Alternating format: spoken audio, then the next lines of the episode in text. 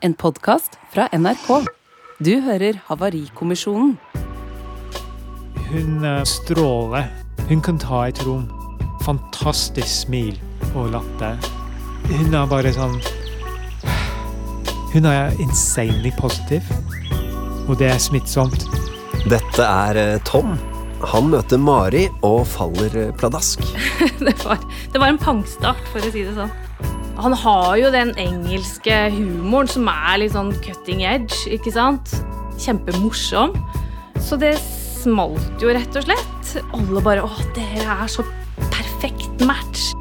Så det var jo sånn vi følte det. At det var jo oss to. Og de starter dette eventyret sammen, men eh, så Det var veldig lett for oss å la være å ha sex. Det tok jo ikke lang tid før det var en problemstilling i vår relasjon. Jeg husker det var et, et punkt hvor det var en sånn lettelse, fordi man lurte på har hun en forventning at vi skal være intime i kveld, eller Og så gikk hun til sengs, og det var sånn åh, OK, da slipper vi det. Det var en uh, lettelse.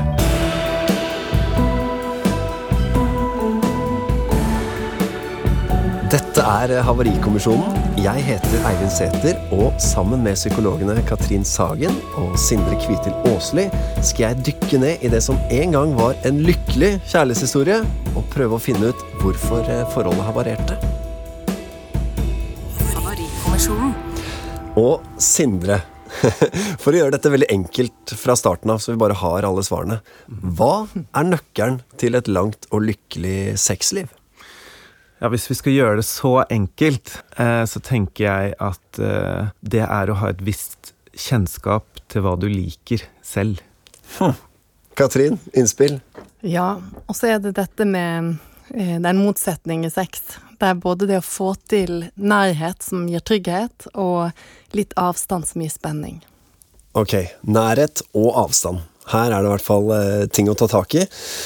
Og vi sa jo at eh, dette startet som et slags eh, eventyr. Og sånn var det virkelig for eh, Mari og Tom da de to møttes i bryllupet til en felles venn i Indonesia.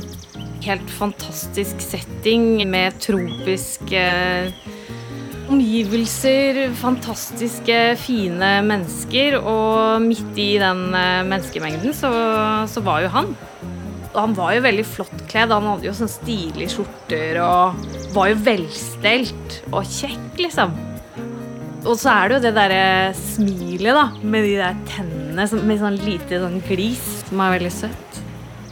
Og så har han også smilehull. Sånn fint smilehull. Hun var vakker. Det var definitivt en tiltrekning. Og den, jeg har også husket at hun ble mer og mer vakker. Mer jeg blir kjent med henne, mer vakker hun ble. Og så begynte vi å, å prate, eh, og da fant jeg jo veldig fort ut at det her er en kar som det går an å prate med, og det er jo veldig viktig for meg.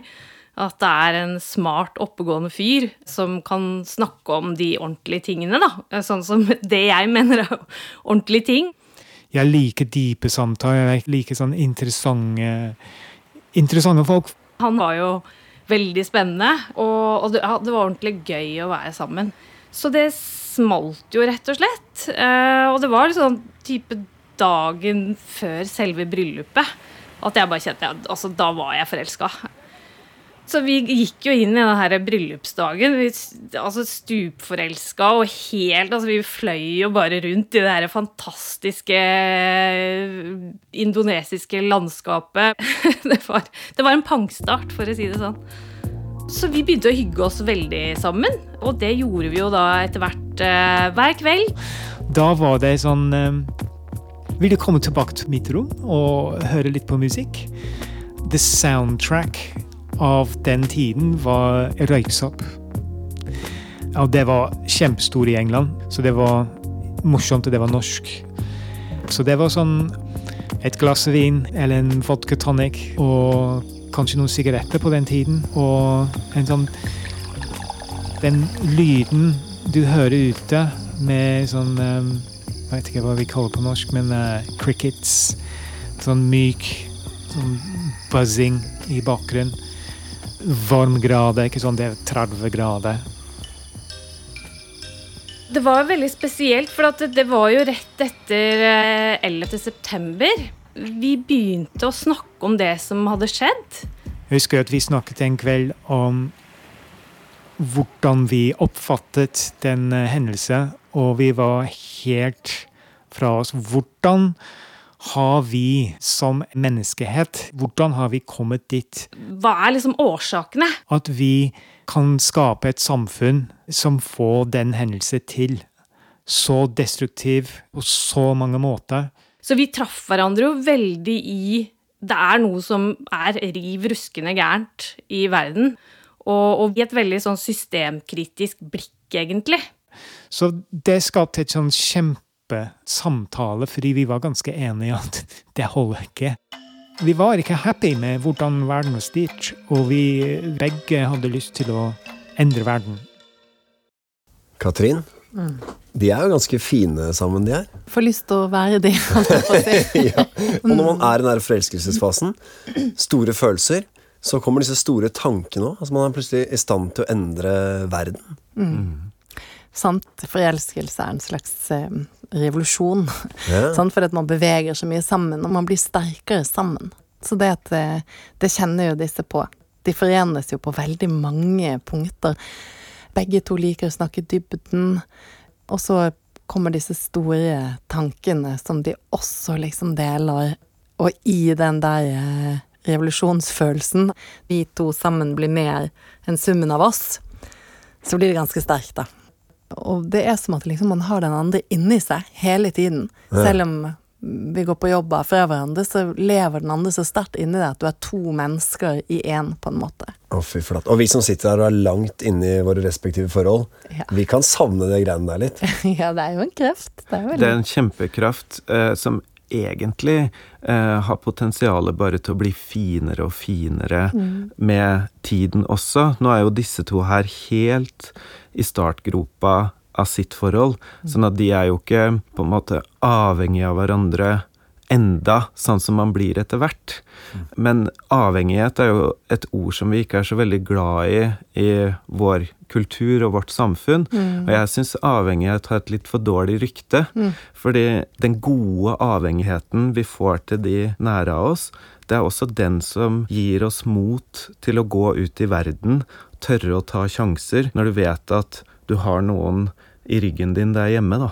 Men eh, for å være litt sånn uh, djevelens advokat der, da. Kan man bli litt sånn lurt òg? For det, tenk på hvor de er. De er i Indonesia. Det er deilige solnedganger, og det er kjærlighet i luften. Det er bryllup. Er det litt sånn farlig nesten med når omgivelsene er så gode? Er det lettere å kaste seg inn i et eller annet? Nei. Man Nei, kan jo vil- bli lurt, Ja. men det er jo alltid sjansen Ja. vi tar, da. Det som man kan oppleve, er at det er mer en sånn kontekstavhengig forelskelse, for å si det sånn. At det, at det er liksom det bryllupet og de gresshoppene og den eh, fascinasjonen for røyksopp, eller følelsen av at vi to Vi er jo skjebnebestemt. Sant? Og at det er noe med når du kommer hjem og blir vinterblek og det er hverdag, så passet ikke det paret så godt allikevel. Vi, vi var best i Indonesia, vi, med paraplydrinkene og vennene våre sitt bryllup, på en måte. Men Det de høres bra ut. Ja, og det, vi, vi, vi skal ikke råde Nei. til deg som skal til bryllup i utlandet nå. Ja. Hvis du treffer noen der, Kjør på. ikke gjør det. Det er ikke det Nei, rådet og det er ikke det jeg mener. Er det egentlig noe poeng i å lese etter noe som kan gå galt mellom disse to, Sindre? Eller skal vi bare la dem holde på? Det gidder jeg ikke å tenke på akkurat nå. Jeg er enig, det så jeg sier så fint. Jeg er helt enig med deg. Det alt de sier og snakker om, høres bare deilig ut og nydelig ut, og helt go grønt lys Mm. fra oss.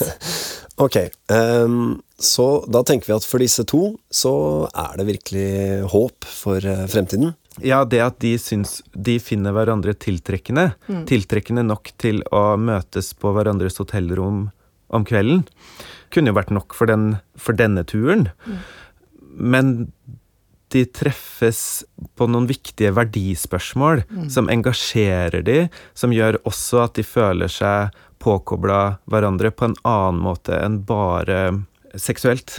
Og som kan vokse til noe mer, sånn at det blir et parforhold hvor man både har attraksjon og på en måte trygghet og dype samtaler og ja, forpliktelse.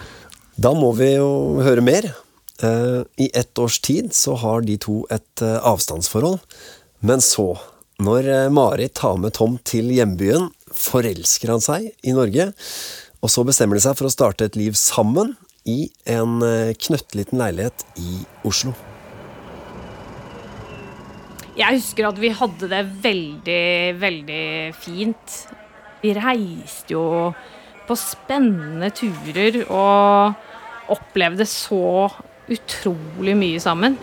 Og det vevde oss jo liksom virkelig, virkelig sammen, da. At vi var liksom Vi var på en reise sammen, rett og slett. Vi var jo veldig opptatt av forandring, egentlig, av samfunnet. Begge to en sånn enorm drivkraft på å være med på å skape positive endringer. Så vi reiste jo bl.a. på en byggetur til Russland sammen. Dro over for å bygge med halm og leire. Så vi kjørte med buss. Og det var sånn ca. 15-20 stykk der.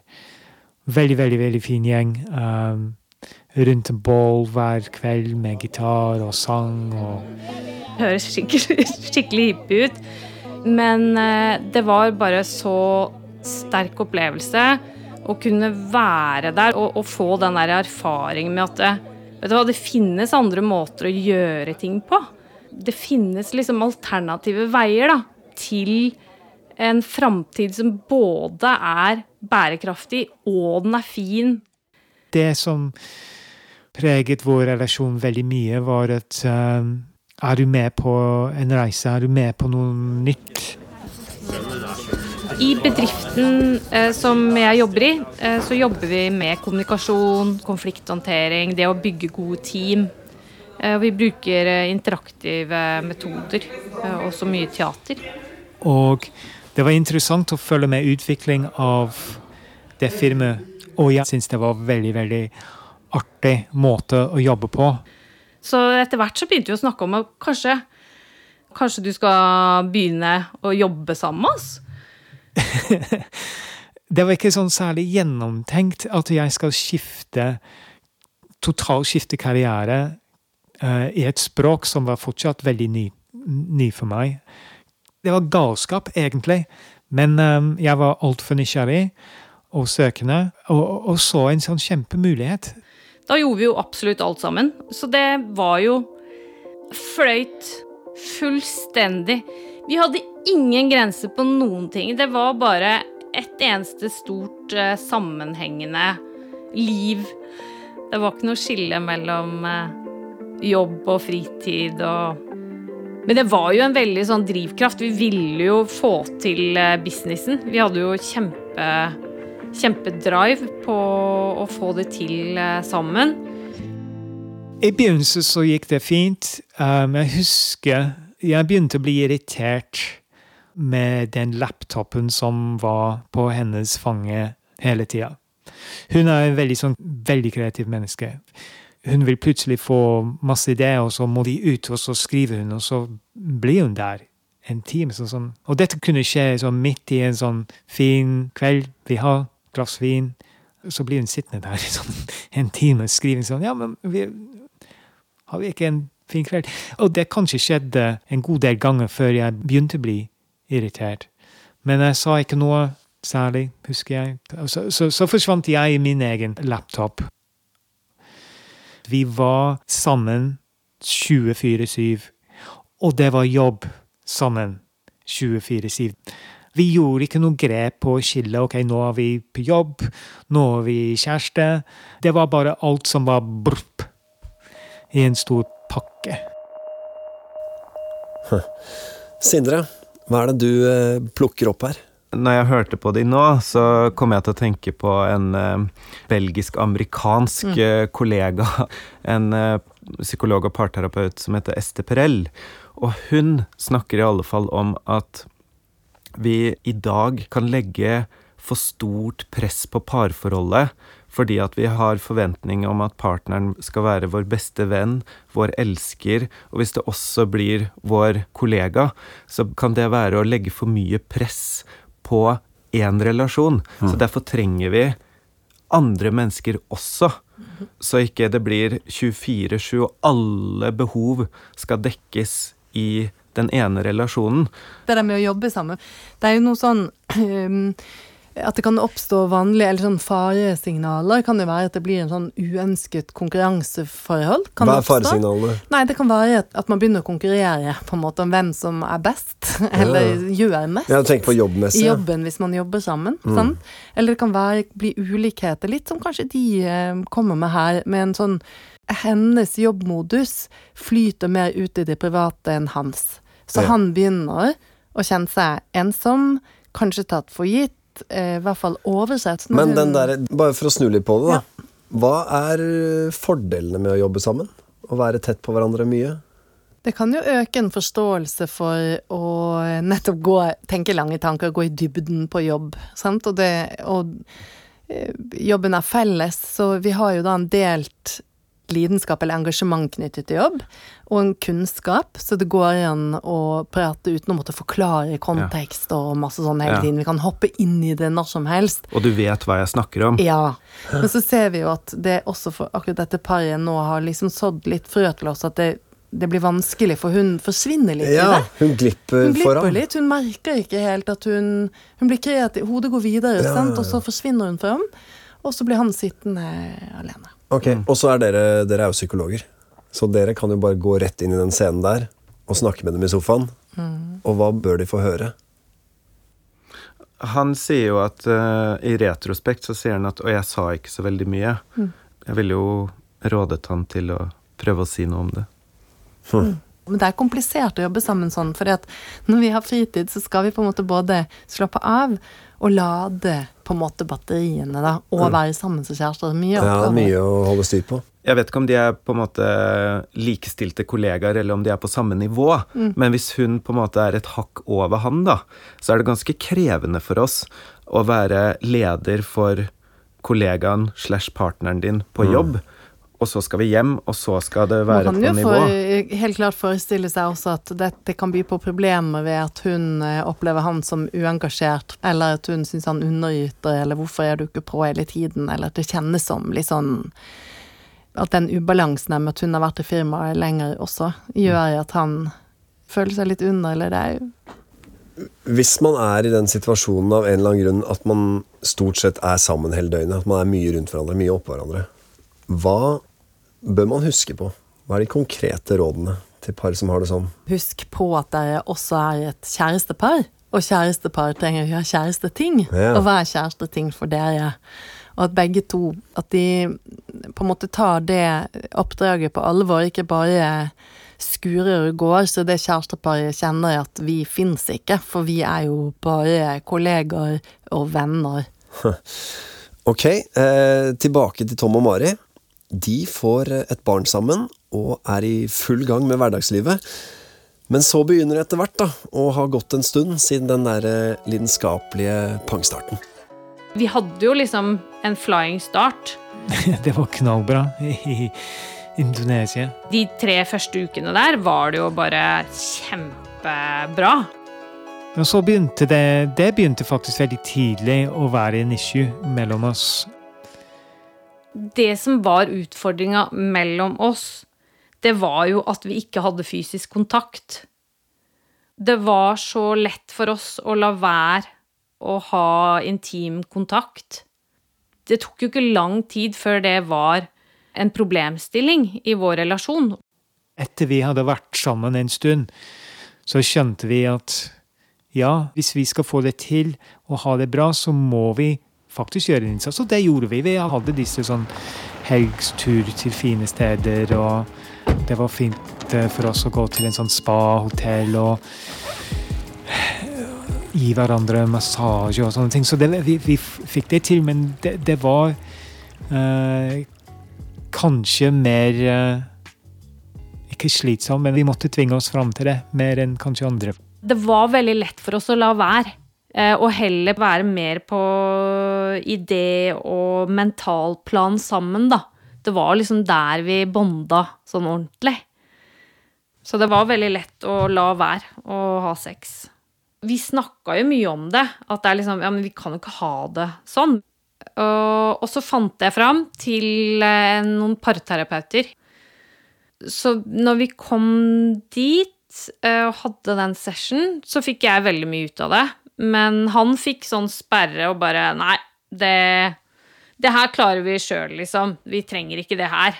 Og det husker jeg. Det, det, det var litt sånn sårende, for jeg kjente at vet du hva, det her klarer ikke vi aleine. Eh, vi må faktisk ha litt hjelp.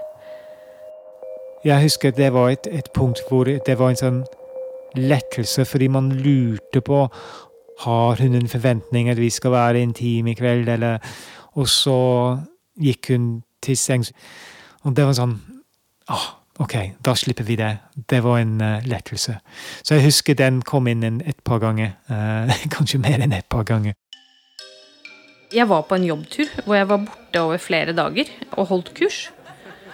Og så var det jo masse hyggelige mennesker uh, på den turen. Og så var det én som var veldig, hadde veldig, veldig spennende samtaler. Og så plutselig så bare satte han en sånn fyr på noe i meg. Jeg ble veldig slått i bakken av det. Og da skjønte jeg jo liksom at jeg hadde på en måte lukka det sånn helt. Men det skjedde ingenting med han her. Men det var liksom Det var bare så obvious, for det var en fysisk reaksjon som jeg liksom ikke kunne uh, Jeg kunne ikke liksom fornekte at uh, Oi, her er det noe jeg ikke har kjent på på veldig, veldig mange år. Uh, at det faktisk at, at man har en seksualitet. Så det var litt sånn sjokkopplevelse. Og det, det satte i gang en prosess hvor jeg liksom kom hjem, og så skjønte jeg at ja, men nå må jeg snakke med han om det her. Hva som har skjedd meg. Så jeg, jeg snakket helt åpent. Jeg klarer ikke å være i dette forholdet uten at vi finner ut av det her. Og vi prøvde å jobbe videre med det, men det gikk ikke. Det var liksom det var jo der vi bare skjønte at det liksom Det, det svinger ikke mellom oss, det der fysiske, rett og slett. Katrin, Ja. hva gjør man når man kjenner at man ikke har lyst til å ha sex med partneren? Nei. Skal man da få panikk? Ja. Ja. Ja, litt, jeg jeg, tenker, jeg tenker nok det, ja. Det høres ut som at dette paret har gått litt i en um, felle, for de snakker veldig om en flamme i begynnelsen som på en eller annen måte er vekke. Jeg tror at den kanskje teori er at den flammen har slukket fordi at de har vært for nære. Den enheten de har vært i, har vært så altoppslukende at de på en måte har glemt at de er to personer. Og da em, har du ikke noen å begjære. Da har du ikke noen å beundre. Da er man jo én. Og det er ganske kvelende for, for sexlivet. Ah, så man Så det- trenger litt Man trenger litt avstand, og de tiltakene som de har fått, blitt rådet til å ta, som er partur og massasjetur, er alle nærhetsskapende tiltak. Men eh, hva tenker dere som skal eh, til her, da? Vi snakker mye om det å kjenne hverandre, eh, men her så tenker jeg at det er viktig å vite hva du selv liker. Hva skal til for at jeg skrur meg på Huh. seksuelt? Ja. Hva er det som tenner meg? Og det har Og det skal man formidle også? Jeg, jeg tenker ofte, eh, når man får liksom råd om at du må bare fortelle partneren hva du syns er spennende, og snakke om sexliv, og det er så enkelt og greit. Det er ikke enkelt og greit, syns jeg. Nei, det er vanskelig å snakke om sex, og du trenger ikke være så konkret heller. Det kan være mer liksom å passe på at man er konsentrert. Det er mange som tenker på andre ting når du ligger i sengen der. ja. Begynn å tenke på matpakken når du skal smøre etterpå. Snakk for deg jeg- Katrin. Ja, men Jeg kvinner i hvert tenker fall. så lite på matpakker, jeg. Kvinner gjør nok mer i det enn menn. De blir distrahert av Det kan både være jobb, men det kan veldig ofte være småbarnsgreier. Man ligger med mamma enn kjæreste. Ja. Og den frekvensen er ikke så veldig opphissende å være i. Den er ikke så hot, Men hvordan, hvordan er skifter man frekvensen? Man er nødt til å jobbe med det selv. Man må skru det av, eller få hjelp og si 'jeg har lyst til å ligge med deg i dag'. Da kan ikke jeg drive med legging. For jeg blir trøtt av det, og jeg blir så veldig mammete. Jeg trenger å dusje og høre på eh, på eh, Sade i dusjen alene, og så kan jeg danse meg inn til deg, liksom. Oi, det Ta ansvar for det, for man Men- har lyst til å ja. Nå har jeg bare et spørsmål her. Det, hvis man da på en måte velger, som jeg mistenker at folk driver med innimellom, eh, å, å ligge sammen med partneren selv om man ikke har noe særlig lyst, er det også helt innafor? Å ta en for laget, på en måte? Det kan man godt gjøre. det tenker jeg at det, man kan gjøre. Det, det å forstreke seg veldig og ligge og ha sex når du ikke har lyst over lang tid, det er ikke bra.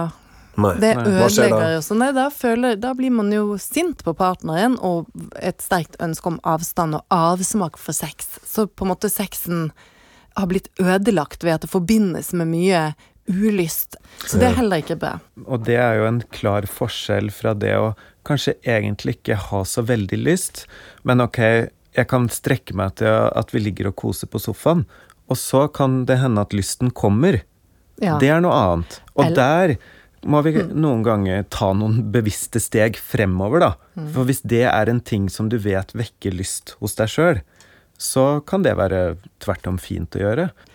Og så er det noe annet da, som engelskmennene kaller for otherness, som er liksom kanskje noe som dette paret kunne ha drevet litt med, som det der med å se den andre litt utenfra. Ja. Ved å oppsøke partneren på et sted hvor du liksom beundrer vedkommende. Om man er på fest og ser den andre litt utenfra. Ja, ja. Men jeg bare tenkte på, apropos det der å være ute og, og på fest og, og møte nye folk og sånn. Er det egentlig ok å eh, få lyst på andre enn eh, kjæresten sin? Ja, det er helt naturlig og helt vanlig. Det som ikke er ok, er å handle på det når du er i et monogamt parforhold. Da kan du ikke det. Da er du utro. Men det å få lyst på en annen, det er helt naturlig. Vi kan, vi Er kan det ikke begynne å forby følelser. Nei, jeg er enig. Er det ryddig? Altså, Bør man da alltid gå hjem og fortelle det? Eller kan man ha det som sin egen lille hemmelighet? Det tenker jeg virkelig ikke er en, en universell regel her, for det er helt fint å holde hemmelig også. Hvis du eh, oppsøker denne for stadig å kjenne begjær, og eh, det er veldig Det er en farlig flørt. Det er lett å plutselig handle på det.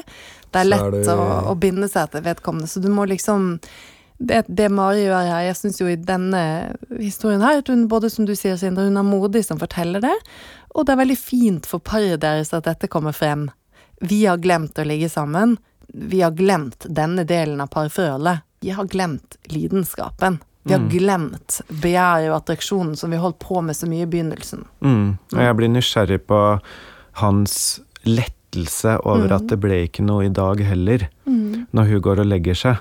Jeg blir veldig nysgjerrig på hvor det kommer fra. Jeg får en mistanke om at det har blitt handlende for mye om prestasjon for hans del. At han må prestere. Ja, Det, er, det stemmer jo dårlig med, Ja. med lyst og nytelse. Ja, nettopp. Og For, ikke sant? For sex er jo nytelse for nytelsens skyld. Men fy søren så mye prestasjon vi driver og blander inn i sex. Ja, ja. Så, hvor mye som handler om hva man er i stand til å levere der, på en måte.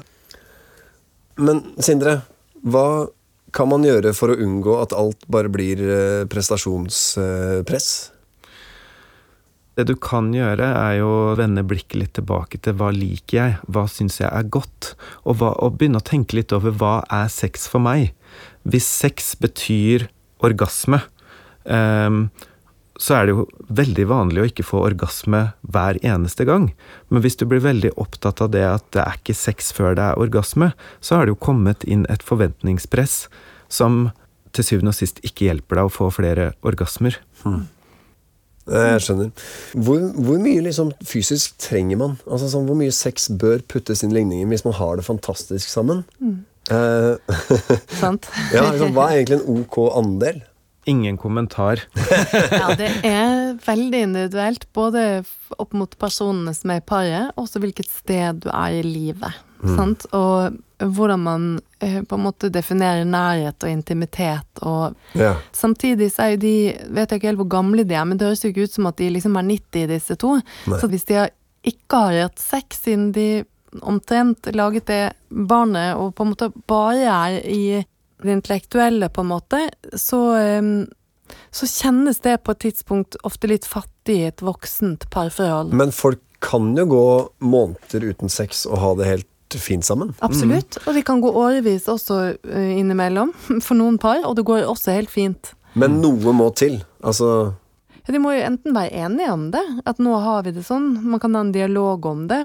Man må jo finne ut om det er et problem eller ikke. Ofte Mm. så er det jo ganske ulikt her. En Mm. savner sex mye mer enn den andre. En av de vanligste dårlige dynamikkene når, når det kommer til sex, Mm. er at den ene inviterer mer enn den andre. Fordi at det er en viss forskjell i lyst, men så oppfattes det mer etter hvert som mas møter nekt. Så den ene maser, og den andre nekter. Det kan resultere i mye mindre eller ingenting av den flørtinga som vi snakker om. Fordi at den som har minst lyst, blir litt redd for at hvis jeg gir litt, åh, så kommer jeg i en situasjon hvor jeg må avvise, og det vil jeg ikke. Og da kan det ende opp med at det blir ingenting. Ja. Og hvis man da helt tilfeldig valgt eksempel er den som maser mest, Mm. eh, hva, er, hva, er, hva er kunsten da? Bør man bare slutte å mase? Prøve Nei, en men det er, jo det, som, det er jo det som skjer hvis det går langt nok, fordi at du blir utbrent på å mase. Ja. Så du slutter å invitere, og så blir det kanskje ingenting. Nettopp. Mm, Så det er jo kjempekomplisert. Mm. Alle sånne dynamikker i parforholdet som er av den art jo mer den ene, desto mer den andre et eller annet, er Ja. vanskelig å komme ut av. Det er ikke noe quick fix egentlig, annet enn at Synd. Eh, ja, at mønsteret på en eller annen måte plutselig er fienden. Nå er vi i dette. Dette er ikke noe bra for oss. Men i akkurat når det gjelder sex, er den enda mer sårbart. Fordi at vi syns det er vanskelig å snakke om sex. Mm. og vi, vi føler oss avvist på en annen måte, fordi at det er liksom hele kroppen er med. Ja, det er så, hele- nakent det er så i nakent ordets rette forstand. Ja, så vi blir så utrolig avvist når vi får nei, og man føler seg så utrolig invadert når man blir mast på. Så det ene vi må gjøre, er å prate om dynamikken. sant? Hvordan kjennes det for deg når jeg sier nei? Sex er et overskuddsprosjekt også, sant? Så, um, så da er det noe sånn med å prøve å finne ut hva, hva er det som stopper oss fra Hvorfor har vi ikke sex nå? Og så tror jeg det er mange nektere som kan ha en følelse av at de føler seg ikke begjært selv om den andre maser eller inviterer mye til sex. Man kan begynne å tenke at det er bare for å få utløp. Men det er jo, ligger jo ofte mer enn det bare å få utløp. Eh, Det handler jo også om nærhet, og for mange som har den driven i seg, da, så er jo det en måte å connecte på. Det ser vi også fra en del studier så godt man driver med. Han mener at mange menn opplever både nærhet og kontakt, og selvfølgelig seksuell nytelse i et seksuelt spill. Men at han sier at kvinner er litt mer adskilt på gruppenivå. At de har sex som en slags nærhet og nytelse, og så er det på en måte en slags emosjonelt snakk som gir nærhet. Så ingenting er jo på en måte feil. Men man kan jo være en som trenger nærhet gjennom kropp. Og det er jo likestilt med å trenge nærhet med å snakke. Så jeg må prøve å finne ut av hvilken bås ligger jeg i. Ok, men eh, når det gjelder Tom og Mari da, og andre par som liksom har kommet inn i eh, et sånn type mønster, hva gjør det egentlig med parforholdet? Det er jo en faresone. Fordi at det skjer så mye mer når vi har sex av tilknytningsbiten, den nærhetsbiten. Ja. så er det jo en slags sånn hormoncocktail som utløses i kroppen, i hvert fall spesielt med orgasme, men også underveis i sexakten, som, som på en måte handler om å like den andre og, og begjære og beundre stedet, som er en del av når vi prøver å på en måte undersøke hva er kjærlighet mellom voksne, da er dette med i det båndet, på en måte. Vi må ta det litt på alvor. Eh, da tar vi med oss eh, litt alvor, og så hører vi hvordan det går eh, videre. Altså, jeg var jo et jobbhue. Syns det er veldig spennende å være ute i verden og skape ting. Han ble hjemme med datteren vår, og så var det jeg som var eh, ute og jobba. Og Det var naturlig, fordi hun var den som var mest kan man si, kvalifisert i oppdragene. Eller det var det jeg hadde i mitt hode, at jeg var ikke på samme nivå som henne. Så det var en obvious choice, men samtidig gikk det på bekostning av min egen identitet og selvfølelse og stolthet. Så jeg begynte å være litt sånn sur, rett og slett. han har jo alltid vært eh, veldig sånn ryddig og strukturert og skal ha det på sin måte. Jeg er jo mye mer rotete og ustrukturert. Han ble jo sånn stikkende. Sånn, veldig sånn insinuerende. Sånn Åh. Feilene kunne være alt fra at jeg ikke hadde vasket opp en gryte. Jeg følte meg litt sånn dømt, og så rømte jeg litt inn i jobb. Og satte i gang veldig, veldig mye ting og prosjekter og initiativ, egentlig, de der første åra etter datteren vår var født, da. Det var meg som plukka opp uh, vår datter fra barnehage hele tida. På den tiden hadde vi litt sånn stram økonomi i businessen, så vi hadde ikke penger til uh, å få barnevakt inn. Så da blir det meg, da. Om du går ut og det kunne være sånn kveldseventer uh, med debatter og, og, alt det der. Og det var hun som var i front der, og jeg skjønte at det begynte å gå utover meg. Jeg begynte å bli litt sånn ja, jeg mistet piffen. Jeg mistet, uh, mistet fokus. Hun begynte å kjøre sin egen vei. Og jeg begynte å gå veldig inn i meg sjøl og bli litt sånn uh, resentful. Jeg mener at det var, jeg var på vei å være deprimert, bokstavelig talt. Vi har jo liksom spøka med det her, med at vi, liksom, vi, vi ble manisk depressive til sammen jeg på en måte ble jo manisk ved å bare holde på og skape ting der ute som gjorde at jeg slapp å liksom kjenne på det ubehaget det var, da. Eh, å være hjemme med han som ble mer og mer deprimert, og mer og mer sint, faktisk. Jo mer liksom eh, Jeg også ikke strakk til hjemme, for jeg, jeg var jo ute hele tiden og gjorde ting, liksom. Jeg holdt jo bare på med jobb. Jeg var jo ikke sånn at jeg var utro eller var med noen andre. Men jeg var utro med jobben, på en måte, da. Vi hadde jo fått noen utfordringer med bedriften, og eh, vi hadde fått oss noen ordentlige trøkker som bare røska egentlig litt sånn eh, tryggheten under beina på oss. Så det var knalltøft. Og alt han på en måte prøvde på, så var det liksom det, Han har hatt en liten sånn sabotør i seg sjøl, og det handler om at han ikke har hatt nok tro på seg sjøl. Um, jeg var alltid litt sånn Ja, men er, er det riktig? Er det, er det bra nok? Og, så jeg hadde begynt å bli litt sånn Jeg vil si jeg hadde litt i trekk å være sånn, litt sånn underdanig i det forhold.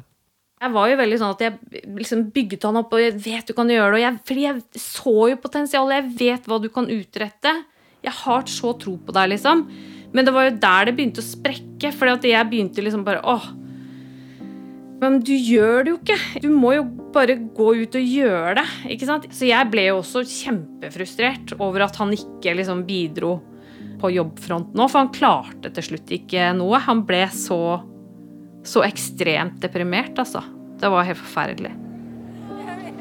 Jeg husker en av de prosjektene hun holdt på med. Fantastisk prosjekt. Og hun hadde fått til et stort event. Og jeg husker jeg hadde en eh, kundemøte rundt samme tiden. Det var egentlig en mini-workshop. Kunne ha utviklet til flere oppdrag hvis, hvis det hadde gått bra den kundemøtet jeg hadde, var ikke bra. Det, var, det gikk ikke veldig bra i det hele tatt. Og jeg blir veldig, veldig lei av meg sjøl. Superlei. Jeg var ikke forberedt nok, og jeg var veldig, veldig hard på meg sjøl. Og den dagen etter det var hennes event. Og selvfølgelig forventet hun at jeg skulle være der. Men jeg rett og slett orket ikke. Jeg var så lei meg for det jeg gjorde dagen før. Eh, at jeg følte jeg mislykket. At jeg kunne ikke se på hennes suksess i det hele tatt. Det var ikke i nærheten. Hva er det de har gjort for noe her? Altså, hva er det som skjer? De sårer hverandre. Um, og kjenner seg begge utilstrekkelige.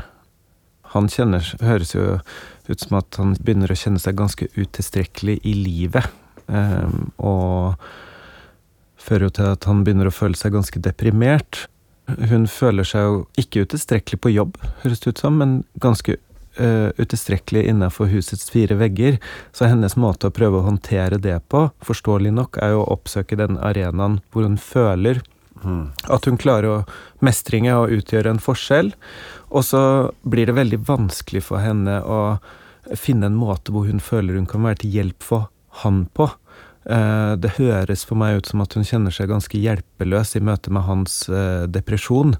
Så kan det hende at hun blir litt eh, for hard eller konfronterende med at han Du må bare gå ut og gjøre det. Og han er ikke på et sted hvor han har nytte av det pushet, høres det ut som. For da tror jeg at han bare føler seg egentlig mer utilstrekkelig. Men disse to som liksom altså, mm. De skulle redde verden sammen. Mm. Det var bare boblende engasjement der fra start av. Mm. Hvor har det blitt, da? Nei, de er i hvert fall ikke på samme frekvens lenger. Så de har jo um, kommet helt skeivt ut av det på en eller annen måte. Og jo mer hun rømmer inn i jobb, desto mer alene og lei seg blir han, og jo mer lei seg, desto mer rømmer hun. Så det er inni en sånn rundløype som er utrolig skadelig for dem. Og så sier hun at de har begynt med sånne små stikk. Ja. Det blir gjerne sånn, ikke mm. sant. Det blir til at den der følelsen som er dypt der inne, som handler om ser du hva jeg bidrar med, vet du hvem jeg er, svaret begynner å bli nei på dette, kommer du hvis jeg trenger deg, nei. Heier du på meg når jeg skal prestere? Nei.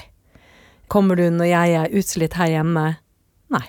Ah, eh, nå blir det mørkt her. Sant? Det blir mørkt, så da ja. blir vi jo vi blir veldig triste, ensomme.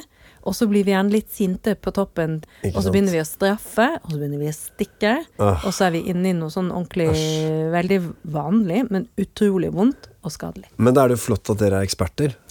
så dere kan jo nå gi dem en vei ut her. Mm. Hvordan redder vi forholdet her? Her er de jo ganske foraktfulle begge to, mm. og det er jo et av disse aller største eller rødeste flaggene. Når vi har kommet sånn, når forakten kommer inn, så er det vanskelig, ikke sant. Vi vet jo nå at de også ikke har så mye fysisk kontakt i tillegg. Så da er det jo stor fare for at det rett og slett ikke går, når det er både forakt og ikke noe sånn påkobling. Men hva er liksom det siste håpet før det er for seint? Det er jo vanskelig å møte forakt med noe annet enn forsvar, mm. for det er så utrolig giftig. Mm. Men når, når, vi klarer å pakke det litt mer um, ut og fortelle at ja, det handler om det er noen episoder gjerne som stikker seg frem, hvor du såret meg, hvor det er sånne dette vi kaller for emosjonelle knekkpunkt i parforholdet. Hvor det var liksom sånn hvor jeg virkelig trengte deg, og du ikke var der. Sånn, vi har gjerne noen av de som vi er nødt til å reparere. For meg så høres det ut som at dette paret nå sårer hverandre en del uten å mene det. Men det gjør også at de begge to føler seg ganske utilstrekkelig i hverandres øyne. Og hvis jeg hadde fått snakka med dem på det tidspunktet her, da, så ville jeg jo tenkt at det er dit de trenger å gå, og det de trenger å snakke med hverandre om. Hm. Vi skal tilbake til eh, paret vårt. Det er nyttårsaften, og Tom og Mari har et eh, vennepar på besøk for å feire. Og vi hadde en fantastisk kveld, og mye god mat, og vin og øl og det der. Og jeg husker at uh, hun i den vennepar hun spurte meg hvordan går det. Hun kjente til det som skjedde tidlig det året. Hvordan går det? Hva ser du for deg i 2015? Og så typisk meg, sta som F, og ja, nei, jeg tar meg sammen, og jeg gleder meg til 2015, og jeg skal legge alt det som har skjedd i 2014 bak meg, og jeg skal finne ut av det, og så bla, bla, bla. og sånn. Så er det noe som bare trigger en sånn vanvittig reaksjon i meg, hvor jeg rett og slett Jeg bare Jeg begynner å gråte. Jeg begynner sånn å gråte en sånn dyp gråt som er sånn Det bare Det er liksom sorgen som på en måte har vært holdt da, i så mange år, som bare kommer ut. Jeg husker det var ganske heftig, fordi det var sånn såpass et utbrudd at um, Slik jeg tolket det, var at herregud, hun har hørt meg si det så mange ganger at nå skal jeg ta meg sammen, at hun tror ikke på meg lenger.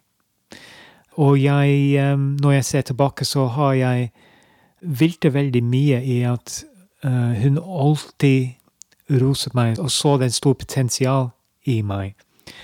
Og så den utbrudd på nyttårsaften var en slags um, Nei, nå, nå, nå, ser jeg ikke det potensialet i deg lenger. Og takk Gud for at vi hadde disse fantastiske Og det er jo selvfølgelig derfor det skjer òg, fordi vi har så gode venner som på en måte klarer å være til stede med akkurat det som skjer. Så jeg får lov til å sitte der og gråte i kanskje fem minutter.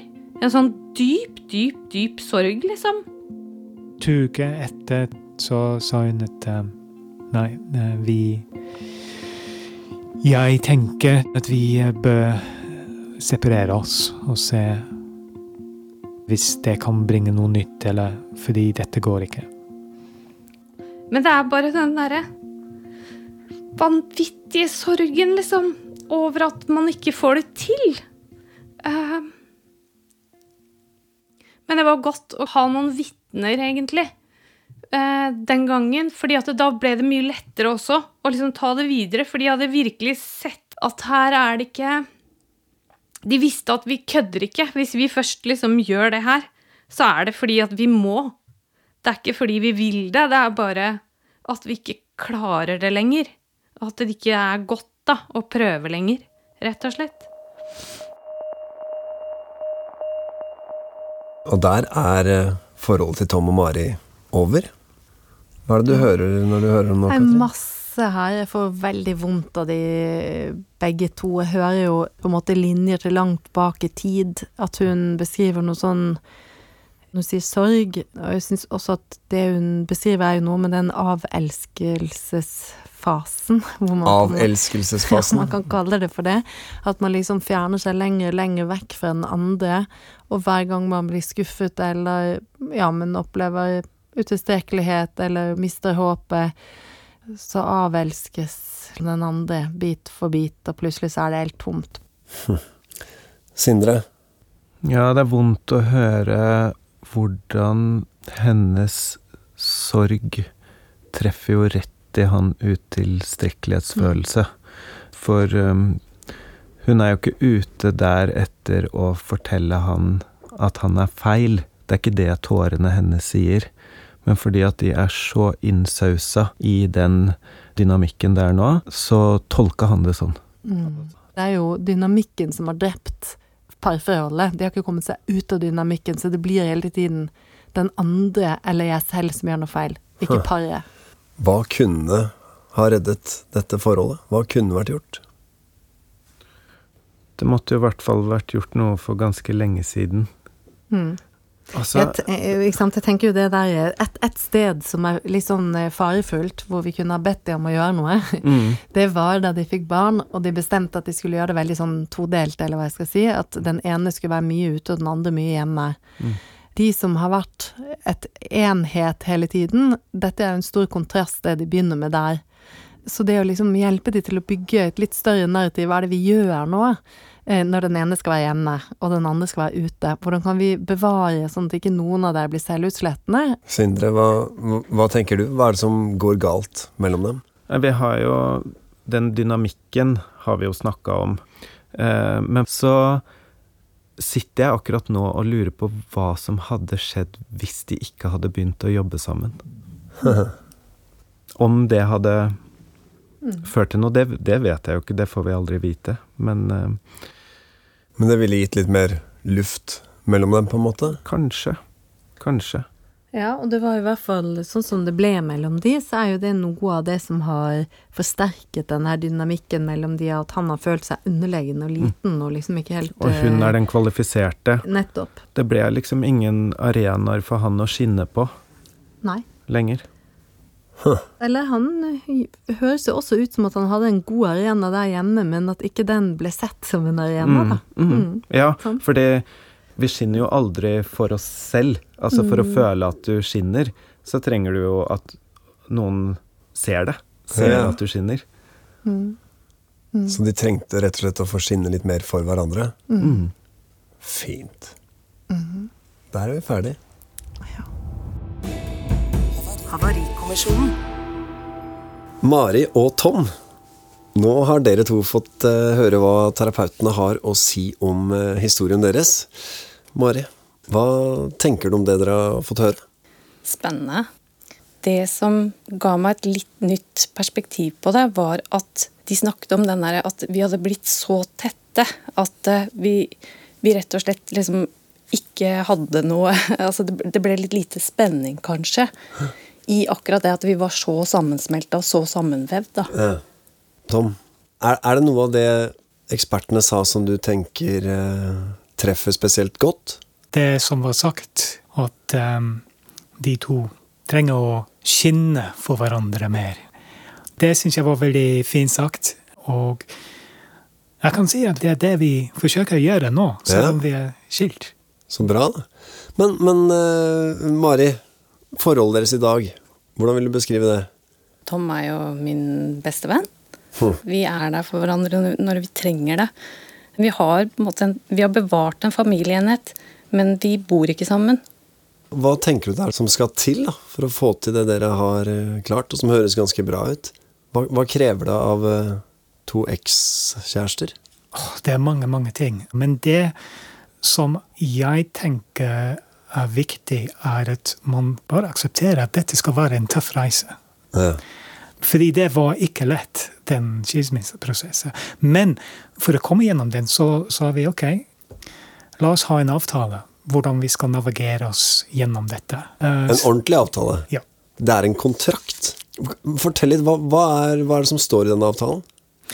Jeg tenkte det var viktig at vi, vi husker tilbake på hvorfor vi ble sammen. Og de drømmene som vi hadde for ei endre verden. ikke sant? Og også den reisa vi også hadde å jobbe sammen. og Ja, for det handler jo om eh, på en måte å verdsette hva er det som har gjort at vi har vært sammen, hva er det som har gjort at vi har, eh, at har jobba så hardt for å prøve å, å holde sammen.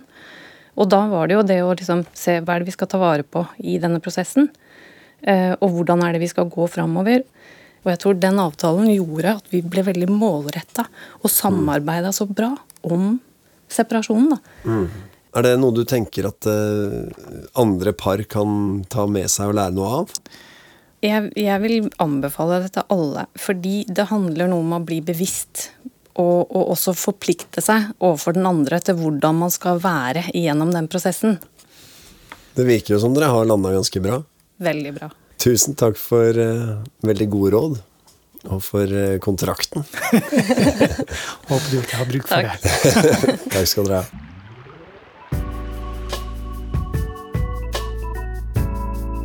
Tusen takk til Tom og Mari for at de delte sin historie.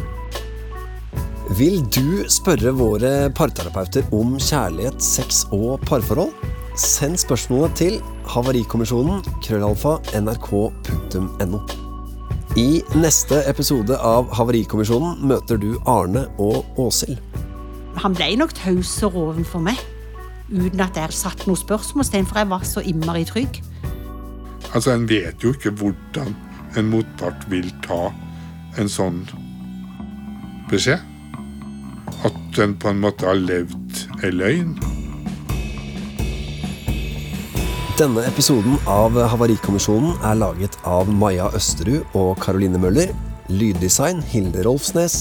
Vignettmusikk Kloroform. Redaksjonssjef er Randi Helland, og mitt navn er Eivind Sæther. Paret i denne episoden bruker ikke sine egentlige navn. En podkast fra NRK. Hei, jeg heter Kaveh Rashidi og er lege. Har du tenkt over hvor skillet går mellom det å være syk og frisk? Hei, jeg heter Veronica Danielsen og er fysiker. Visste du at det grønne nordlyset kan være et varsel for en stor katastrofe? Hvordan påvirker egentlig alkohol kroppen vår? Jeg heter Alexander Santov og er kjemiker. Podkasten Burde vært pensum hører du først i appen NRK Radio.